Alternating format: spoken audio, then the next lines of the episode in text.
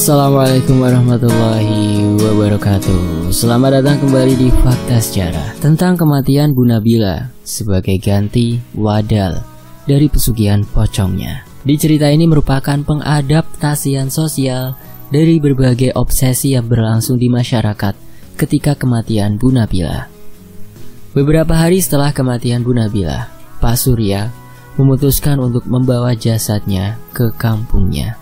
Lalu, kedai miliknya dijual. Entah bagaimana kelanjutannya, yang pasti semua masalah di kedai itu sudah beres. Banyak opsi yang menanyakan tentang kejadian yang mengerikan ini hingga banyaknya perspektif miring muncul akan tragedi yang terkenal dengan nama pocong keliling. Semenjak penguburan jasad Bu Nabila, banyak kejadian aneh yang terjadi di jantung desa tempat Pak Surya berada. Salah satunya adalah teror yang mencekam di tiap malam hari. Warga sering didatangi oleh sosok pocong yang dimintai untuk melepas talinya. Entah apa tujuannya. Namun yang pasti, arwah itu belum tenang karena masih ada tuntutan yang masih berada di dunia nyata. Mari bersama-sama untuk membaca doa terlebih dahulu sebelum saya melanjutkan kisah ini. A'udzu bikalimatillahi tammati min syarri ma Bismillahirrahmanirrahim. Masmi syafil ardi wa la fis sama wa huwa samiul. Allahumma shalli ala sayyidina Muhammad sallallahu. Ini dia selengkapnya.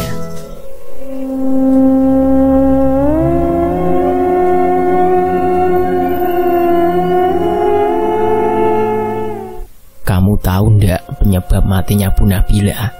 Katanya dia terkena tulah gara-gara melakukan pesugihan pocong. Ucap Arif ketika mengajak bicara temannya, Pak Ibnu. Hush, ndak baik ngomongin orang yang sudah meninggal, apalagi yang arwahnya masih di awang-awang atau digantung.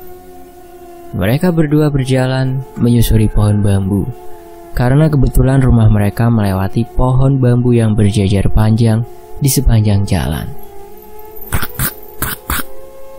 Bentar-bentar, ucap Pak Ibnu sambil menyuruh Pak Arif untuk berhenti. Kenapa Pak? Tanya Pak Arif. Suara apa itu Pak? Ah, saya tidak dengar kok Pak. Tanya Pak Arif lagi. Coba Pak Arif soroti senternya ke arah pepohonan bambu itu Pak. Pak Arif pun menyoroti senter ke arah yang dimaksud. Namun ketika sorotan senternya meninggi, tiba-tiba, Pak, apa itu? Tanya Pak Arif ketika melihat sesosok bayangan putih berdiri di antara pepohonan bambu. I, itu poc poc poc poc pocong. Mereka berdua pun berlari terpirit-pirit. Isu mengenai penampakan pocong ini menjadi gosip panas di kalangan para orang. Orang dewasa, remaja, bahkan anak-anak sekalipun. Mereka memberikan satu komando yang sama terhadap penampakan pocong itu agar tidak keluar rumah melebihi jam-jam yang telah ditentukan. Ah, sayur mahal, cabai dan bawang naik semua. Pemerintah kok tega ya ngasih kita harga mahal kayak gini, padahal kita juga kesusahan. Ucap Bu Juju. Lawang namanya juga rakyat kecil bu Kita mah mengikuti apa yang harus dipatuhi saja Sambung bu neneng Eh, eh, eh kalian tahu ndak? Obrolan penggosipan pun dimulai ketika Bu Sarah membuat kepo para ibu-ibu yang sedang berbelanja.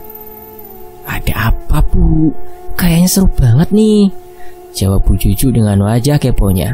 Ih, giliran gosip aja mudeng. Sangkal Bu Neneng.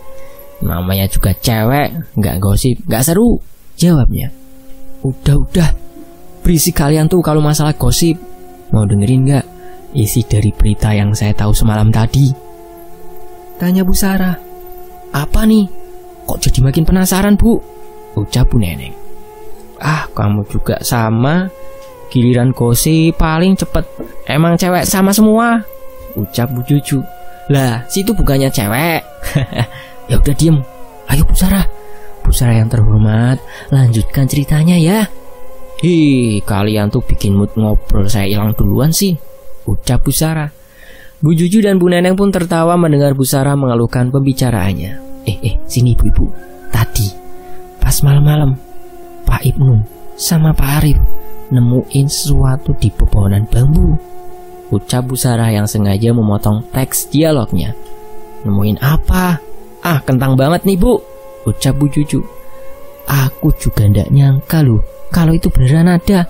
Parah banget sih. Ucap Bu Sarah lagi. Bu, lah emang mereka berdua nemuin apa? Janda kembang baru. Moso iyo janda malam-malam mangkalnya di pohon bambu. Ucap Bu Neneng dengan julidnya. Hei, kamu tuh ya kalau ngomong ndak pernah bener. Eh bu, emang beneran mereka berdua nemu janda kembang? Tanya Bu Jojo dengan bodohnya. Kalian kenapa sih? Belum juga selesai. Udah bahas janda kembang, dengerin dulu, baru komentar. Ucap Bu Sarah.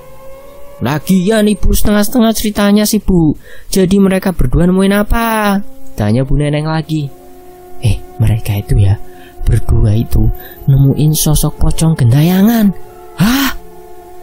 Katanya pocong itu sedang berdiri tegak sambil menggerak-gerakkan badannya Ucap Bu Sarah Pocongnya lagi senam bu Tanya Bu Cucu. Bodoh banget sih kamu. Mana ada pocong malam-malam senam. Yang ada dia tuh lagi joget. Ucap Bu Neneng. Ah, kalian berdua sama bodohnya. Bu Sarah memegangi kepalanya karena menghadapi tingkah Bu Cucu dan Bu Neneng yang selalu tidak jelas dalam menanggapi. Loh, ibu kenapa? Emang pocongnya lagi ngapain di pepohonan bambu sambil gerakin badannya? Tanya Bu Cucu. Kalian sadar nggak sih? Semenjak Bu Nabila dimakamkan di tempat kita, banyak hal-hal aneh yang terjadi di desa ini. Kemarin-kemarin kita ndak ada tuh berita pocong, tapi sekarang semenjak Bu Nabila meninggal dan dimakamkan di sini, dia neror kita karena arwahnya masih digantung. Jelas Bu Sarah. Ih, serem banget Bu, ucap Bu Cucu. Tapi Bu, emang kalau arwahnya masih digantung, dia kan error? Tanya Bu Neneng. Ya mana saya tahu. Yang pasti, kalau arwahnya digantung, dia masih ada tuntutan di dunia yang belum selesai. Makanya dia cari-cari orang untuk menyelesaikan tuntutannya. Jelas Bu Sarah. Bu Juju dan Bu Neneng pun paham akan perkataan Bu Sarah itu. Jadi, Pak Arif dan Pak Ibnu hanya dikasih lihat pocong itu, Bu. Tanya Bu Juju. Nah, itu dia. Kalau si pocong itu udah ngasih lihat, sudah pasti kan dia bakal neror semua warga yang ada di sini. Tanya Bu Sarah. Ih ibu, jangan aku nakutin dong bu. Aku paling gak suka lihat pocong, apalagi kalau loncat-loncat gitu. Ucap Bu Juju. Emang kamu aja yang takut Bu Juju? Aku juga sama. Aku malah ngeri kalau pocong gedorin kepalanya di pintu kita masing-masing. Ucap Bu Neneng. Ih, amit-amit ndak mau aku. Pembahasan mereka pun terhenti ketika Bu Friska ikut menimbrung. Ada apa nih Bu? Kok rame banget kayaknya? Tanya Bu Friska. Ini loh Bu, kita lagi bahas pocong Bu Nabila yang kemarin-kemarin nongol di pepohonan bambu. Ucap Bu Juju dengan julidnya. His, Pak Mali, bukan gitu. Bu Sarah langsung menutup mulut Bu Juju yang julid itu karena dia tahu bahwa Bu Friska adalah teman masa kecil Bu Nabila yang sangat dekat. Apa tadi? Pocong Bu Nabila? Tanya Bu Friska. E -e enggak Bu, maksudnya tadi kita lagi ceritain masalah pocong yang ditemuin warga. Bu Neneng mencoba menetralisir keadaan. Dia tidak mau kalau Bu Friska sampai sakit hati mendengar teman dekatnya dilecehkan seperti itu. Bu, jangan sakit hati ya. Tahu sendiri kan, Mulutnya Bu Cucu kadang belum diamplas pakai duit suaminya, makanya agak kendor gitu. Bu Friska menatap wajah Bu Cucu yang merasa bersalah. Enggak apa-apa kok Bu. Lagian juga sebagai teman dekatnya Bu Nabila, saya merasa shock jika didapati bahwa Bu Nabila bergentayangan. Ucap Bu Friska. Bu Juju, Bu Neneng, dan Bu Sarah tersenyum ketika mendengar hal itu. Ya udah Bu, saya duluan ya. Mari, sapa Bu Friska. Oh ya Bu, hati-hati Bu, ucap mereka semua. Bu Friska meninggalkan ibu-ibu yang masih berbelanja di warung. Untung saja dia tidak marah. Hati-hati kalau ngomong, Bu, tidak baik. Ucap Bu Sarah. Eh, iya, Bu. Mereka semua kembali ke rumahnya masing-masing. Isu mengenai pocong Bu Nabila menjadi sebuah tanda tanya bagi seluruh warga. Kebenarannya belum terungkap dan masih simpang siur. Di sisi lain, di rumah Ibu Friska. Bu Friska memasuki dapur. Ia meletakkan seluruh belanjaannya di dapur. Duh, udah lumayan siang. Aku kudu cepat-cepat masak. Kasihan Wawan, belum makan dari pagi. Ucap Bu Friska dia pun menuju ke kamar untuk mengganti pakaian terlebih dahulu. Di mejanya telah berjajar rapi bermacam-macam alat kecantikan dan satu benda yang paling berharga yaitu figura foto dirinya dengan Bu Nabila. Bill, aku tahu kamu orang baik. Apa yang dikatakan orang-orang gak bener kan? Tanya Bu Friska.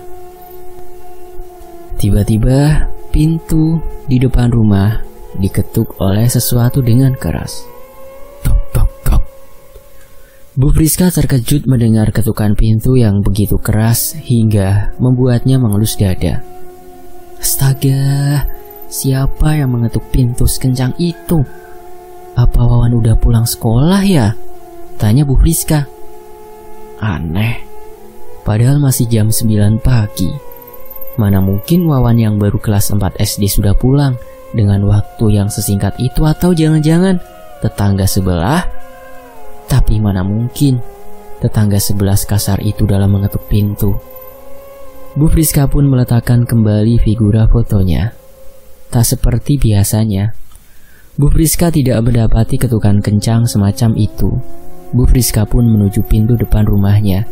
Dan ketika dibuka, Lu, kok gak ada orang? Tanya Bu Friska. Dia pun menengok ke kanan kiri halaman depan rumahnya. Namun tidak ada tanda-tanda akan aktivitas tetangga yang habis menuju ke rumahnya. Ngerjain saja, kesal Bu Friska. Ketika dirinya ingin memasuki rumahnya kembali, hidungnya mencium sesuatu yang tidak asing dimitoskan oleh para warga di sekitarnya. Hmm, kok bau pandan ya? Tanya Bu Friska. Dia pun mencari sumber dari bebauan itu, namun arahnya menuju ke bagian belakang rumahnya. Padahal di belakang rumahnya tidak ada tanaman pandan satupun. Lalu tetangganya jarang sekali memasak bubur atau yang berkaitan dengan daun pandan. Tapi kenapa baunya begitu menyerbak? Aneh. Kenapa baunya tiba-tiba menghilang dengan sendiri? Tanya Bu Friska. Dia pun kembali lagi menuju rumahnya. Namun ketika dia ingin kembali, ada sesuatu yang memanggil namanya dengan suara yang sangat lirih. Friska, Friska, bantu aku. Bu Friska segera menengok ke arah belakang, namun tidak ada satupun orang yang memanggil namanya. Bulu kuduknya dengan seketika berdiri, Hawa merinding menyelimuti seluruh tubuhnya hingga kakinya bergetar. Nabila? Tanya Priska ketika menyebut nama teman dekatnya. Namun tidak ada jawaban sama sekali. Bu Friska melangkah mundur. Dia tidak berani menuju ke arah belakang rumahnya. Friska, bantu aku. Suara itu persis berada di telinga Bu Friska. Dia pun langsung terkejut. Astaga, suara siapa itu? Tanya Friska dengan wajah ketakutan. Dia pun terus mundur ke belakang hingga ada sesuatu yang menepuk belakang punggungnya. Wajah Bu Friska menjadi pucat. Keringat dinginnya berjatuhan. Dia tidak tahu siapa yang memegangi pundaknya. Bu, lagi apa? Tanya seseorang yang suaranya tampak familiar untuk didengar. Astaga Bu Sarah, ngagetin aja. Emang ada apa Bu? Tanya Bu Sarah dengan kepo. Enggak apa-apa Bu, mungkin ini gejala stres aja, jadi tampak halusinasi. Jawab Bu Friska. Halusinasiin apa Bu? Tanya Bu Sarah. Entahlah Bu, hari-hari ini saya jadi ingat Bu Nabila, teman dekat saya sendiri. Ucap Bu Friska. Oh wajar sih Bu, kalau teman deket yo biasanya batinya sangat dekat juga. Oh iya bu, ibu lagi masak bubur ya? Tanya Bu Sarah. Loh, kenapa nanya gitu Bu Sarah? Tanya Bu Friska. Soalnya saya tadi nyium bau pandan dan setelah saya cek sumbernya, baunya mengarah ke sini. Hah? Bu Friska tampak terkejut ketika mendengar penyaksian Bu Sarah yang mendapati bau pandan yang sama dengannya. Kok ibu kaget? Tanya Bu Sarah. Bu Friska langsung menarik tubuh Bu Sarah dan membawanya ke depan rumah. Bu, aku mau jujur ya. Kalau di sini gak ada yang masak bubur. Terus gak ada juga yang memiliki tumbuhan pandan. Makanya aku heran Kenapa ibu sama aku kok sama sama mencium bau pandan? Tanya Bu Friska. Bu Sarah menampakkan wajah takutnya kepada Bu Friska. Bu, bu, aku mau pulang deh. Kenapa bu? Tanya Bu Friska. Tidak apa-apa bu, kayaknya kita ndak usah bahas gituan ya. Aku banyak kerjaan. Aku banyak kerjaan, Mau masak juga? Hehe, maaf ya bu, aku duluan. Yuk bu, duluan. Ucap Bu Sarah dengan wajah ketakutan. Dia pun mempercepat langkahnya. Bu Friska hanya menatap tingkah Bu Sarah dengan keheranan. Apa aku salah ya ngomong begitu? Tanya Bu Friska. Dia pun langsung menuju rumahnya dan menutup semua gorden jendelanya. Tampaknya Bu Friska menyadari kedatangan sesuatu di rumahnya. Pukul 18, Ba'da Maghrib. Dek, pulang cepet. Langsung mandi ya. Teriak Bu Cucu kepada anaknya, Lili. Bentar bu, ucap Lili sambil memainkan boneka di depan rumahnya. Awas saja, kalau ada pocong Bu Nabila ibu tidak tanggung jawab. Ucap Bu Juju sambil menyumpahi anaknya. Gak ada pocong bu, Mana ada pocong keluar pas maghrib-maghrib Ucap Lili dengan polosnya. Terserah kamu deh Ucap Bu Juju sambil menutup pintu depan rumahnya. Lili pun tidak meladeni perkataan ibunya. Dia pun terus memainkan boneka kesayangannya. Sasa, ibu bohong kan? Tanya Lili kepada boneka kesayangannya, Sasa. Boneka Barbie yang sangat cantik itu diberi nama Sasa oleh Lili. Namun, Ketika Lili sedang memainkan boneka kesayangannya, dia mencium bau pandan yang menyerbak. Kok bau pandan? Mama lagi masak santan buat bubur ya? Tanya Lili. Dia pun mencari sumber bebauan pandan yang amat menyerbak itu. Baunya mengarahkan kepada pohon pisang depan rumahnya. Hari sudah gelap. Lili memandangi sekeliling rumahnya. Kok hari ini sepi banget ya? Tanya Lili sambil memeluk boneka Sasa. Dia pun berjalan ke arah pohon pisang yang dimaksud. Namun, pandangannya menjadi terpecahkan ketika di antara pepohonan pohon pisang itu telah berdiri sosok pocong sambil menggerak-gerakkan tubuhnya ke kanan dan ke kiri. Ibu! Teriak Lili ketika melihat sosok pocong itu perlahan mendekatinya. Bu Jujuk terkejut mendengar suara teriakan anaknya. Dia pun membuka pintu depan rumahnya. Ada apa Lili? Astagfirullah, Lili. Bu Juju melihat anaknya telah terkapar di depan halamannya yang jaraknya tidak jauh dengan pohon pisang. Lili pingsan di tempat. Para warga yang mendengar teriakan Bu Juju langsung keluar dari rumahnya masing-masing. Kenapa bu? Tanya warga. Tidak tahu pak, dia tiba-tiba teriak dan pingsan di tempat. Tangis Bu Lili. Ayo bu, bawa ke kamarnya. Para warga pun membawa Lili ke dalam kamarnya. Di sisi lain, di rumah Bu Friska. Pak, apa benar arwah Bu Nabila kentayangan? Tanya Bu Friska. Kamu kata siapa? Tanya Pak Robi kepada Bu Friska. Kata ibu-ibu di tempat ini pak Katanya kemarin malam Pak Ibnu dan Pak Arif Melihat pocong yang mirip seperti Bu Nabila Us, gak baik kita samakan setan dengan arwah Bu Nabila Siapa tahu itu bukan Bu Nabila Ucap Pak Robi Tapi kan kalau arwahnya masih digantung, dia tidak akan tenang sebelum tuntutan di dunianya sudah selesai. Ucap Bu Friska. Pak Robi hanya terdiam. Dia menatap wajah Wawan yang sedang mengerjakan PR di dekatnya. Bu, tidak baik kita samakan seperti itu. Kita hanya bisa mendoakan yang terbaik kepada Bu Nabila. Ucap Pak Robi. Iya pak, maafin ibu ya. Ucap Bu Friska. Pak Robi hanya tersenyum memandangi istrinya yang polos itu. Dok, dok. Terdengar ketukan keras dari arah pintu depan rumahnya. Siapa itu pak? Tanya Bu Rizka.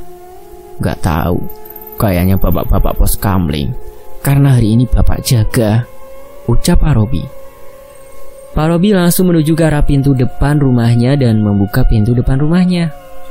Pak, cepat, ikut saya Ucap Pak Ibnu. Ada apa pak? Ini maksi maghrib loh. Tidak baik kita keluar-keluar. Ucap Pak Robi. Ya karena itu pak.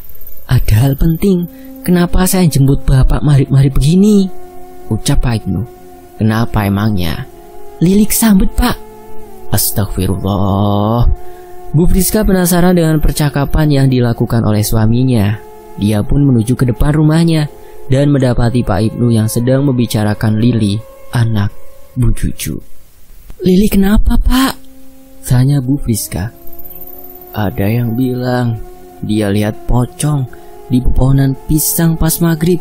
Sekarang dia masih belum sadarkan diri. Katanya kesambet. Ucap Pak Ibnu. Bu, Bapak mau pergi ke rumahnya Bu Juju ya. Tolong, Ibu jaga Wawan di rumah saja ucap Pak Robi.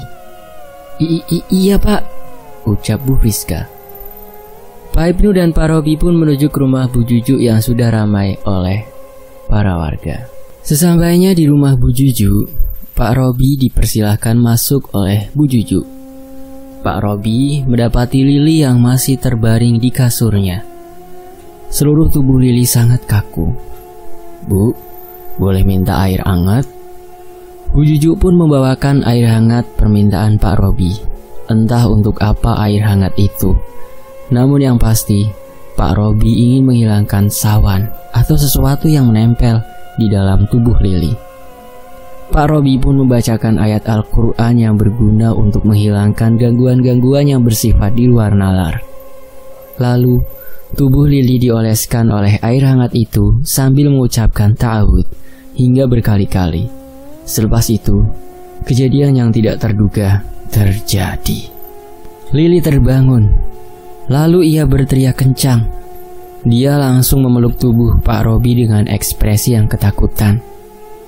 Lili menangis kencang-kencangnya sambil menyebutkan nama sosok itu. Pocong, pocong, teriak Lili. Li, Lili yang tenang ya, ucap Pak Robi. Gak mau, Pocongnya itu ngeliatin aja. Ucap Lili sambil mengarahkan ke arah pojok kamarnya sebagai tanda tempat pocong itu berdiri dan memperhatikannya. Bu Juju yang melihat itu hanya bisa menangis karena ucapannya benar-benar terjadi. Makanya nih hati-hati mulutnya tuh ibu-ibu. Ibnu, tolong pegangin Lili dan bawa keluar dari sini. Pinta Pak Robi. Baik Pak, ucap Ibnu. Pak Robi pun menyerahkan Lili kepada Pak Ibnu. Hal selanjutnya yang akan dilakukan oleh Pak Robi adalah dengan mengusir pocong itu dari kamar Lili. Tolong tutup pintunya. Pintu kamar Lili pun ditutup. Pak Robi menggelar sajadah lalu duduk sila.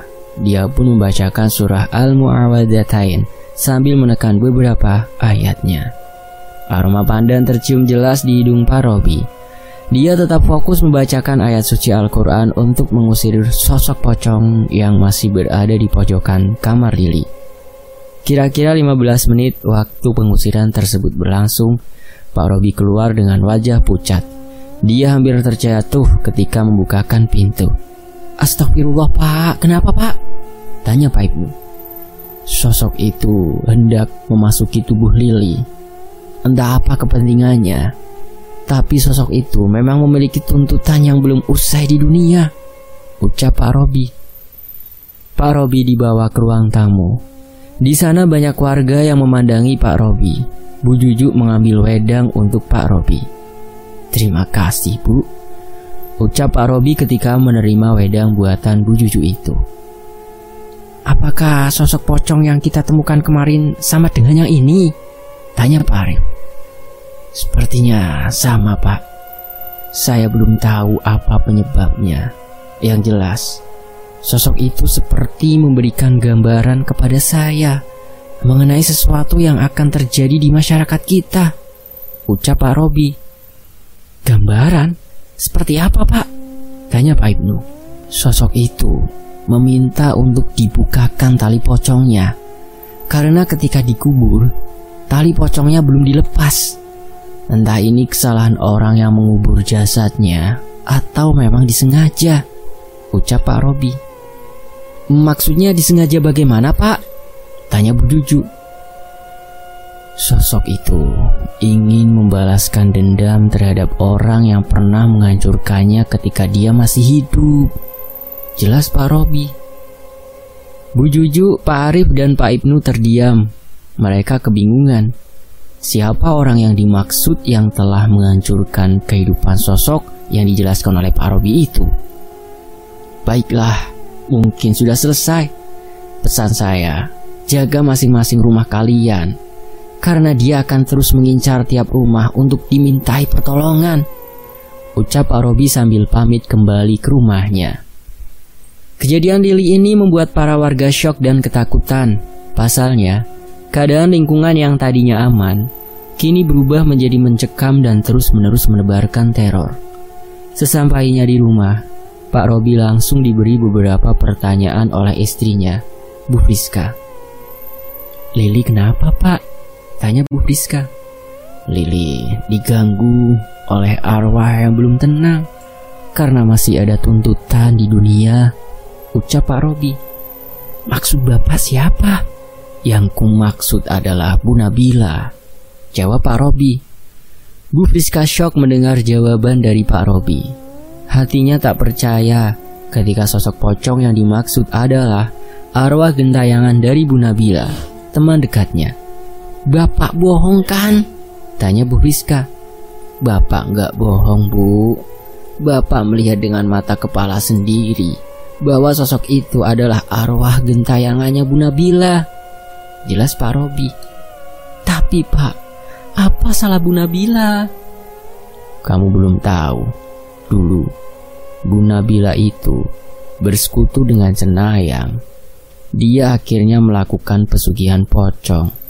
Namun para karyawan di tempat kerjanya sangat khawatir apabila pesugihan itu memakan tumbal. Akhirnya, mereka semua memberontak dan menghentikan langkah Bu Nabila.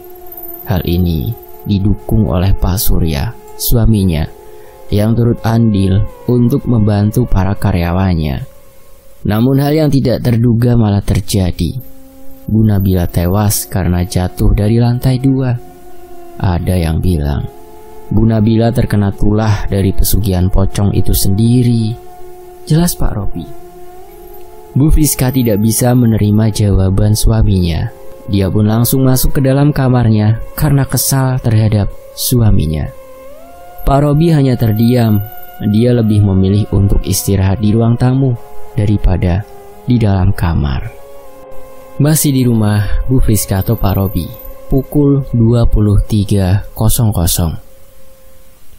Bu Friska terbangun ketika dia mendengar suara ketukan pintu rumahnya Dok, dok, dok Bu Friska kira suaminya sedang mengganggu tidurnya Agar kamar bisa dibuka Bu Friska pun tidak memperdulikan suara itu Namun, semakin dibiarkan, suara itu makin membesar ini bukan sekedar ketukan pintu, tapi lebih tepatnya seperti suara gedoran yang dilakukan oleh kepala orang dewasa. Sangat keras dan membuat bulu kuduk Bu Friska berdiri seketika. Dia pun membuka kamarnya dan memperhatikan kanan kiri sekelilingnya. Bu Friska berjalan menuju ruang tamu. Dia mendapati suaminya sedang tertidur. Bu Priska pun membangunkan Pak Robi. Pak, Pak, Bangun, siapa yang gedor-gedor pintu? Suaranya keras banget. Ucap Bu Friska. Duh Bu, udah biarin saja. Paling juga pocong. Ucap Pak Robi dengan santainya. Bu Friska pun menjiwit perut suaminya karena telah menyumpahi suara gedoran pintu itu berasal dari pocong. Au, sakit bu, teriak Pak Robi. Bangun, cepat lihat dulu. Jangan sampai ibu jiwit lagi perutnya sampai merah, ucap Bu Friska. Pak Robi pun terbangun. Dia terpaksa bangun karena diancam oleh istrinya. Pak Robi pun berjalan menuju pintu depan rumahnya. Di belakangnya, Bu Friska memegangi baju Pak Robi karena suara itu masih saja belum berhenti. Bu, itu bukan orang. Ucap Pak Robi. Bapak jangan nakutin dong. Ucap Bu Friska. Dok, dok, dok. Suara itu masih menggema. Namun ketika Pak Robi dan Bu Friska membuka gorden jendela rumahnya, Betapa terkejutnya Pak Robi dan Bu Friska ketika mendapati sosok pocong yang telah berdiri di depan pintunya sambil menatap ke arahnya. Pak, itu! Ucap Bu Friska. Tolong aku Friska, ucap pocong itu. Sosok wajahnya sangat mirip dengan wajah Bu Nabila. Bu Friska tak kuat menahan rasa takutnya. Dia pun langsung menutup gorden rumahnya Pak Robi segera membawa Bu Friska ke dalam kamarnya. Dia takut jika Bu Friska terjadi sesuatu yang tidak disukainya. Tuk tuk tuk tuk tuk tuk tuk tuk tuk. Ketukan itu malah makin menjadi-jadi. Bu Friska tak kuasa menahan rasa harunya. Benar apa yang dikatakan oleh warga sekitar mengenai Bu Nabila. Bu Nabila adalah bentuk dari pocong yang gentayangan itu. Bu, ibu tunggu di sini ya, ucap Pak Robi. Bapak mau ke mana? Tanya Bu Friska.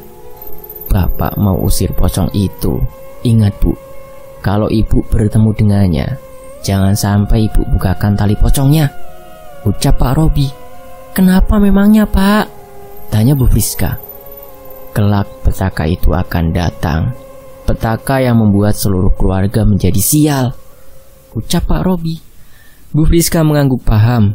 Pak Robi mendekati istrinya Bu Friska sedang menjalani fase-fase sulit untuk menerima kenyataan bahwa teman dekatnya, Bu Nabila, telah tiada dan sekarang malah menjadi sorotan bagi masyarakat luas mengenai teror pocongnya yang terkenal itu. Bu, jika ibu merasa sedih, Allah Subhanahu wa Ta'ala akan menyembuhkan kesedihan ibu. Ketika ibu sedang takut, Allah Subhanahu wa taala akan memberikan kedamaian hati ibu. Semua sudah dalam takdir Allah. Kita hanya bisa menerima. Senyum Pak Robi sambil mencium kening Bu Friska. Jaga Wawan, Bu. Pinta Pak Robi. Pak Robi meninggalkan Bu Friska sendirian di kamarnya. Kamar Wawan sendiri berada di sebelah kamarnya. Alasan kenapa harus dipisah karena supaya Wawan sejak dini belajar mandiri. Suara gedoran pintu itu masih terdengar jelas. Pak Robi membaca surah Al-Falaq dan Anas. Setiap akhir ayatnya, dia menekan sambil menghembuskan nafasnya ke pojokan ruangan. Lambat laun, suara itu menghilang. Bebawan pandan juga sudah tidak tercium lagi. Malam itu menjadi malam yang menakutkan bagi Pak Robi dan Bu Friska. Mereka didatangi langsung oleh pocong Bu Nabila Keesokan harinya, para warga berduyun-duyun ke rumah Pak Robi. Mereka seperti ingin menyampaikan keluhan yang baru saja dilaluinya malam tadi. Pak, Pak Robi, tolong buka pintunya. Teriak warga. Pak, kami mau bicara dengan Bapak. Teriak warga lainnya.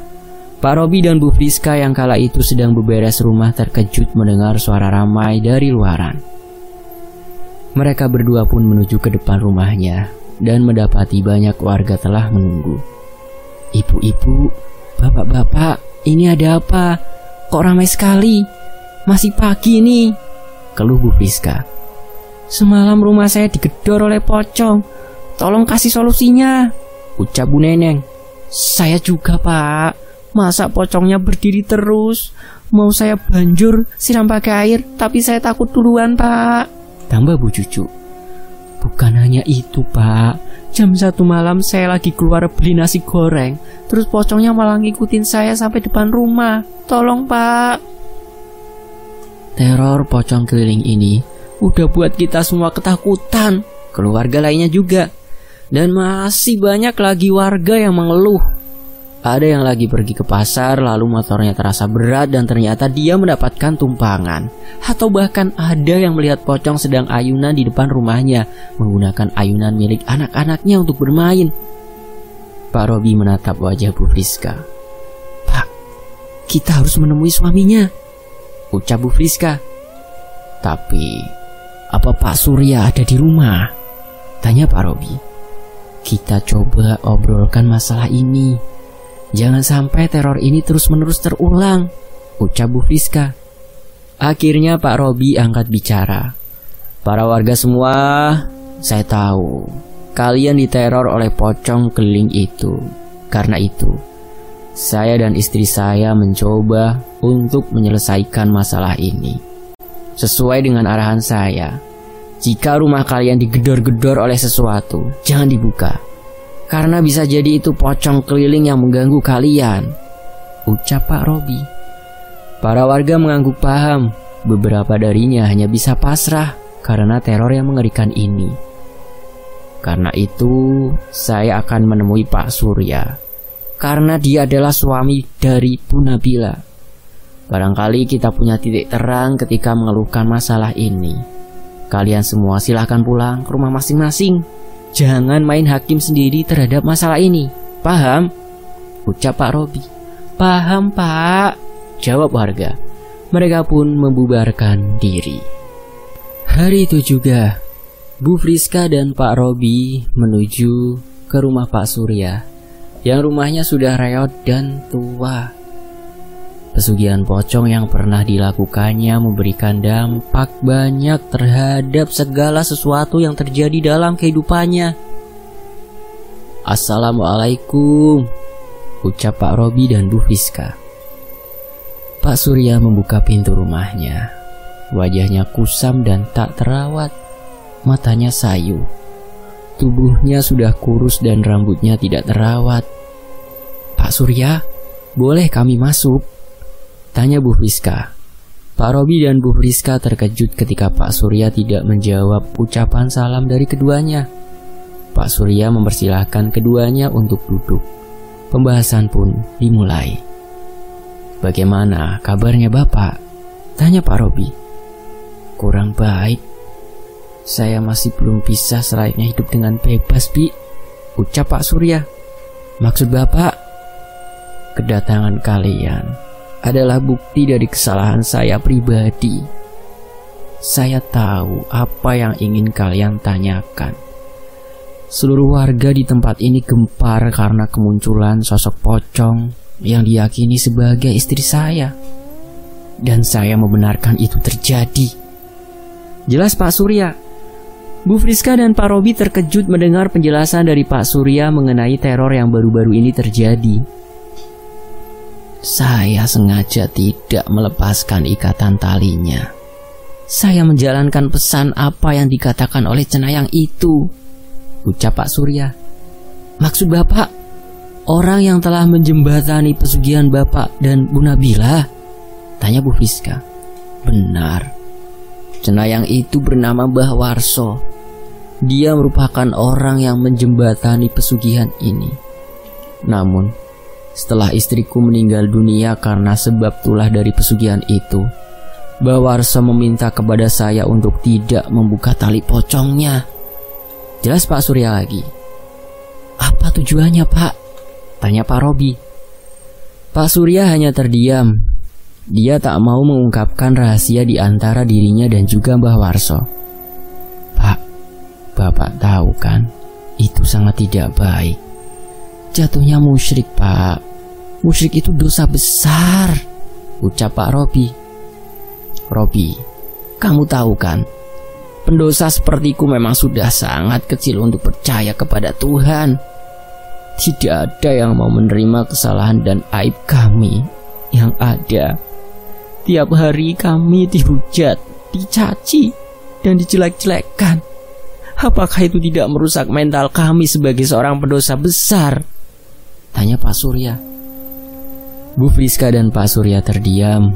Mereka berdua tak bisa berkata-kata lagi mengenai penjelasan yang telah menyudut kesalahan sosial yang paling fatal.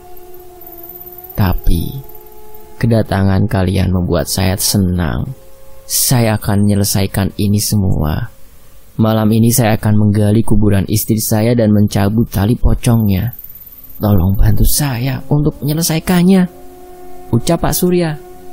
Dengan senang hati kami akan membantu Pak. Obrolan itu ditutup.